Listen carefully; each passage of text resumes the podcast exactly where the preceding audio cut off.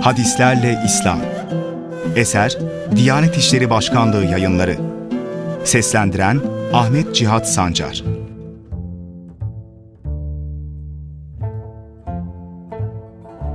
İstiaze. Alemlerin Rabbine sığınmak. Ebu Hureyre Allah Resulü'nün sallallahu aleyhi ve sellem şöyle dua ettiğini söylemektedir. Allah'ım bozgunculuktan, münafıklıktan ve kötü ahlaktan sana sığınırım.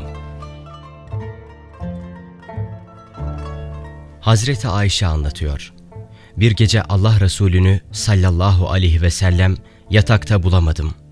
Onu el yordamıyla aramaya başladım. O sırada elim ayaklarının tabanlarına değdi. Ayaklarını dikmiş vaziyette secde halindeydi ve Allah'ım gazabından rızana, cezandan affına sığınırım.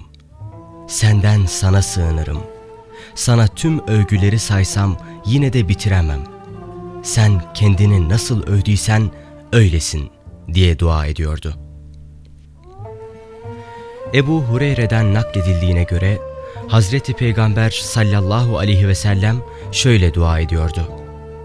Allah'ım fakirlikten, yokluktan ve zilletten sana sığınırım. Haksızlık etmekten ve haksızlığa uğramaktan da sana sığınırım. İbn Abbas'tan nakledildiğine göre Hazreti Peygamber sallallahu aleyhi ve sellem Hasan ile Hüseyin için dua ederek şu sözlerle onların başına gelebilecek kötülüklerden Allah'a sığınırdı. Her tür şeytandan, haşereden, kem nazardan, Allah'ın tam kelimelerine, sonsuz iradesine ve hükmüne sığınırım. Sonra da atanız İbrahim de bu duayı oğulları İsmail ile İshak için yapardı derdi. Şteyr bin Şekel'in naklettiğine göre babası Şekel bin Humeyd şunları anlatmıştı. Hazreti Peygamber'e giderek Ey Allah'ın Resulü! Bana kendisiyle Allah'a sığınacağım bir dua öğret dedim. Hazreti Peygamber omuzumdan tuttu ve şöyle buyurdu. De ki, Allah'ım kulağımın şerrinden, gözümün şerrinden, dilimin şerrinden, kalbimin şerrinden ve şehvetimin şerrinden sana sığınırım. Zeyd bin Erkam şöyle demiştir. Ben size sadece Resulullah'ın sallallahu aleyhi ve sellem bize öğrettiğini öğretiyorum. O şöyle derdi. Allah'ım acizlikten, tembellikten, cimrilikten, korkaklıktan, ihtiyarlıktan, kabir azabından sana sığınırım. Allah'ım nefsime takvasını, sorumluluk bilincini nasip et ve onu arındır. Onu en iyi arındıracak olan sensin. Onun dostu ve velisi sensin. Allah'ım huşu duymayan kalpten, doymayan nefisten, fayda vermeyen ilimden ve kabul olunmayan duadan sana sığınırım.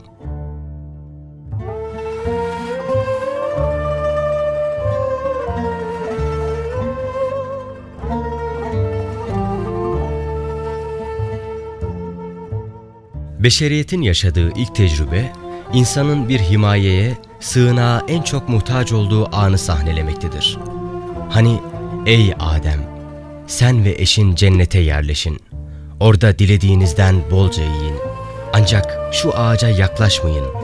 Yoksa zalimlerden olursunuz. Emrine muhatap olan insanlığın ebeveyni, yüce yaratıcının şeytan sana ve eşine düşmandır. Sakın ola sizi cennetten çıkarmasın. Yoksa sıkıntı çekersin. Uyarısını bir anda unutmuşlardı.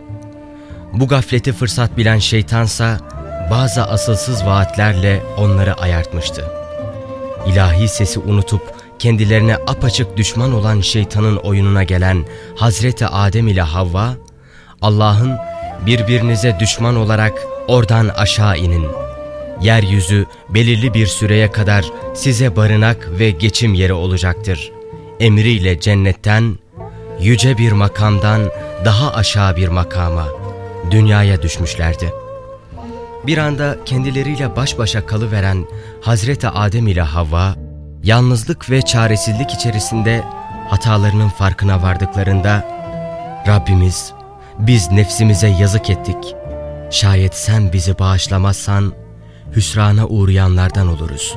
Niyazıyla Rahman'ın affına ve merhametine, onun sonsuz himayesine sığınmışlardı.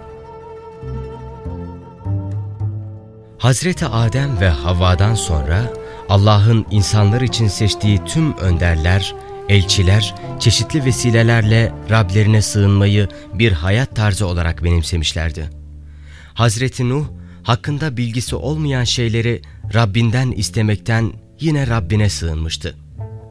Hazreti Yusuf hem kendisine gayrimeşru bir birliktelik için ısrar eden hanımın çağrısı hem de kardeşlerinden gelen haksız bir uygulama teklifi karşısında maazallah Allah'a sığınırım demişti. Hazreti Musa kavmine karşı alaycı bir tavır takınarak cahillik etmekten, kendisini öldürmek isteyen Firavun gibi ahirete inanmayan kibirlilerden ve onların düşmanlıklarından Rabbi olan Allah'a sığınmıştı. Kur'an'da anılan örnek şahsiyetlerden biri olan İmran'ın hanımı, hamileyken karnındaki çocuğu Rabbine adamıştı. Doğan çocuğun kız olduğunu gördüğünde ise ona Meryem adını vermiş ve kovulmuş şeytana karşı onu ve soyunu Allah'ın himayesine tevdi etmişti. Rabbi de bunu kabul etmiş, Meryem'i en güzel şekilde yetiştirmişti. Hazreti Meryem bu ilahi himaye içerisinde öylesine iffetli yetişti ki, insan suretinde gelen Cebrail'i kendisine zarar verecek biri sandığı için senden çok esirgiyici olan Allah'a sığınırım demişti. İnsanlığa rehber olarak gönderilen peygamberlerin, salih kulların ve örnek şahsiyetlerin yakarışlarında da gördüğümüz gibi, fıtratıyla uyumlu olma ve özüyle çelişmeme arzusu, insan için en büyük sığınma sebebidir. Zira insanoğlu için kendini kaybetmesinden, yolunu şaşırmasından, azgınlığa ve taşkınlığa sürüklenmesinden daha büyük tehlike yoktur. Nitekim her şeyi yoktan var eden Allah, Hatemul Enbiya'ya, son peygamberine vahyettiği mesajlarında öncelikle kötülerden ve kötülüklerden sığınmayı öğretiyordu. Hazreti Adem ile Havva kıssasında da görüldüğü üzere insanı doğru yoldan saptırmayı ahdettiği için şeytan kendisinden Allah'a sığınılacak baş ayartıcıydı. Şüphesiz şeytan sizin için bir düşmandır. Öyleyse siz de onu düşman tanıyın. O kendi taraftarlarını ancak alevli ateşe girecek kimselerden olmaya çağırır. İblis her türlü kötülüğün, kötü niyetin, taşkınlığın, çirkinliğin odağıdır. Mümin ondan sığınmayı başarabilirse, kendisine gelecek kötülüklerin kaynağını kurutmuş olacaktır. Bu yüzden Allahu Teala son elçisine de şeytandan korunmak için kendisine sığınmasını sık sık emreder. Eğer şeytandan gelen kötü bir düşünce seni ayartmaya çalışırsa hemen Allah'a sığın. Çünkü O hakkıyla işitendir, hakkıyla bilendir. De ki, Ya Rabbi, şeytanların kışkırtmalarından sana sığınırım. Onların bana yaklaşmalarından da sana sığınırım. Hatta yüce yaratıcı, muavvizetan olarak bilinen iki özel surede Resulünün şahsında tüm inananların şeytandan, şeytani telkinlerden ve davranışlardan kendisine sığınmalarını istiyordu. De ki, yarattığı şeylerin şerrinden, karanlığı çöktüğü zaman gecenin şerrinden, düğümlere üfürüp büyü yapan üfürükçülerin şerrinden ve kıskandığı vakit kıskanç kişinin şerrinden sabahın Rabbine sığınırım. De ki, insanların kalplerine vesvese sokan, pusuya çekilen cin, insan ve şeytanın şerrinden, insanların Rabbine, insanların melikine, sahibine, hakimine, insanların ilahına sığınırım. Allah Resulü, Felak ve Nas surelerini okuyarak Allah'a sığınmayı prensip edinmiş, yatmadan önce kendisini mutlaka okuduğu gibi yakınlarına da Allah'a sığınmada okunacak en güzel dua olarak bu iki sureyi tavsiye etmişti. Çünkü Hazreti Peygamber sallallahu aleyhi ve sellemin deyişiyle insanın içinde tıpkı bedenindeki kan gibi dolaşan şeytan insanı özünden uzaklaştıran, onu kirli işlere, taşkınlığa, günaha sürükleyen bir aktördür. Her insanla birlikte var olan ve hiç kimsenin içinden atamayacağı bu kötülükten kurtulmanın yolu, onu da yaratan Rabbe sığınmaktır. Nitekim Allah Resulü sallallahu aleyhi ve sellem, torunları için yaptığı duada, onları şeytanın kötülüklerinden koruması için Allah'ın iradesine sığınıyordu. Çünkü şeytanın Rablerine sığınan müminler üzerinde hiçbir nüfuzu, hiçbir etkinliği yoktur. Allah, Hazreti Peygamber'e şeytandan olduğu gibi onun telkinleri neticesinde insanın sergileyebileceği olumsuz tutum ve davranışlardan da Rabbine sığınmasını öğretmişti.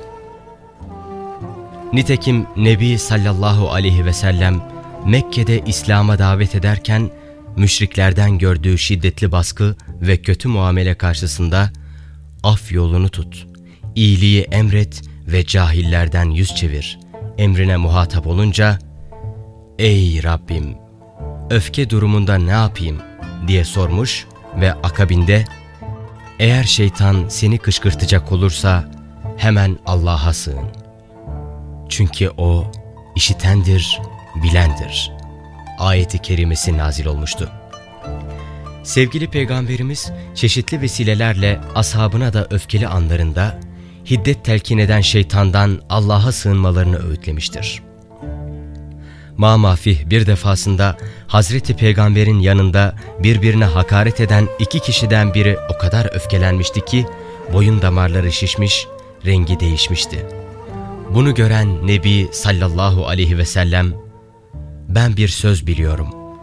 Eğer şu zat o sözü söylese öfkesi mutlaka gider buyurdu. Orada bulunanlardan biri hemen adamın yanına giderek Hazreti Peygamber'in kastettiği Euzu billahi mineşşeytanirracim Kovulmuş şeytandan Allah'a sığınırım. Sözünü söylemesini tavsiye etti. Ne var ki adam bu öğüdün büyüklüğünü anlamayarak hasta gibi bir halim mi var? Ben deli miyim? Hadi git işine karşılığını verdi. Şeytanın Allah'ın şükreden kullarını saptırmak için onun dosdoğru yolunun üzerinde pusu kuracağını söylemesinden de anlaşılacağı üzere, müminin şeytani vesveselere en çok maruz kaldığı durumlar arasında Allah'a kullukla meşgul olduğu anlar sayılabilir. Bu durumda kalbin her türlü kötü niyet ve düşünceden arındırılıp Cenab-ı Hakk'a açılması için en başta şeytandan Allah'a sığınmak gerekir.'' Nitekim Rabbimiz müminlerden yüce kelamı Kur'an'ı okuduklarında şeytandan Allah'a sığınmalarını istemektedir. Böylece mümin Kur'an'la ilgili yanlış vehimlerden, anlayışlardan Allah'a sığınmış olacak ve Kur'an'ın rehberliğiyle, nuruyla aydınlanmasının önündeki en büyük engeli, şeytani vehimleri kaldırmış olacaktır.''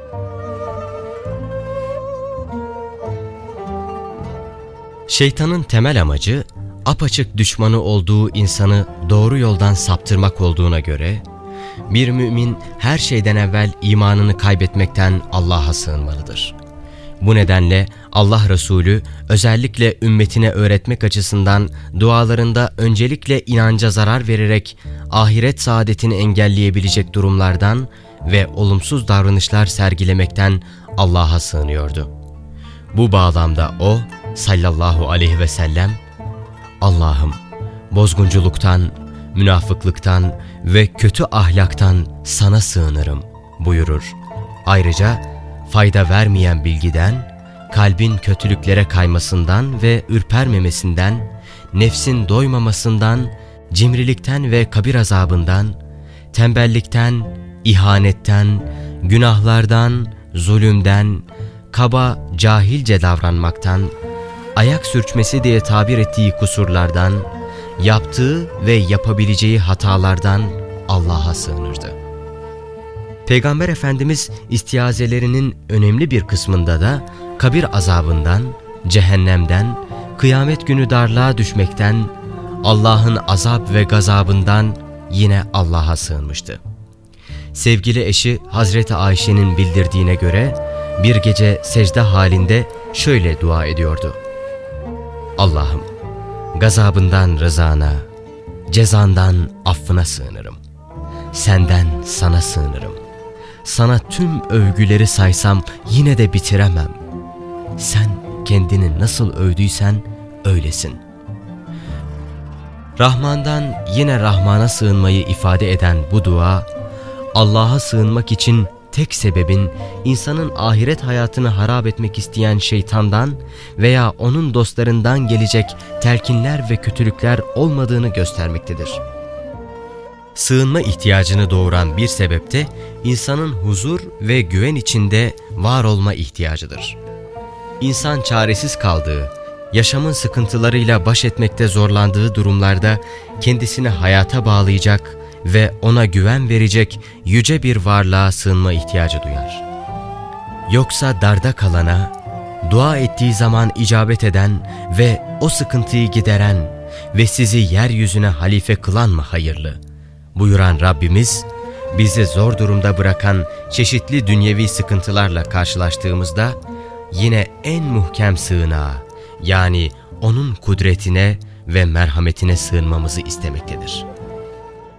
İnsan zaaflarıyla var olduğu müddetçe ki her zaman öyle kalacaktır, inanmış kişi kendisinden daha yüce olan Allah'a sığınmaya devam edecektir. Nitekim inançsız insanların dahi en zor ve çaresiz anlarında Rahman'ın sonsuz merhametine sığındıklarını ifade eden ayet, bu duygunun yaratılışın bir parçası olduğunu göstermektedir. Sizi karada ve denizde gezdiren O'dur. Öyle ki gemilerle denize açıldığınızda, gemilerin elverişli bir rüzgarın önünde yolcuları alıp götürdüğü zaman, onları düşünün. Gemidekiler sevinç ve güvenlik içinde hissederler kendilerini. Derken bir fırtına yakalar gemiyi ve dalgalar her yandan kuşatır onları. Öyle ki ölümün kendilerini çepeçevre sardığını düşünürler de, o zaman dinlerine sıkı sıkı sarılıp yalnızca Allah'a yönelerek, bizi bu felaketten kurtarırsan, andolsun ki şükreden kimselerden olacağız diye yalvarıp yakarırlar ona.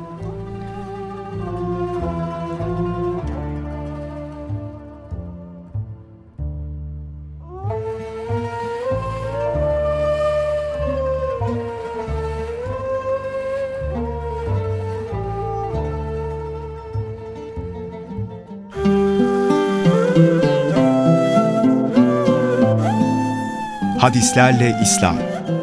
Eser Diyanet İşleri Başkanlığı yayınları. Seslendiren Ahmet Cihat Sancar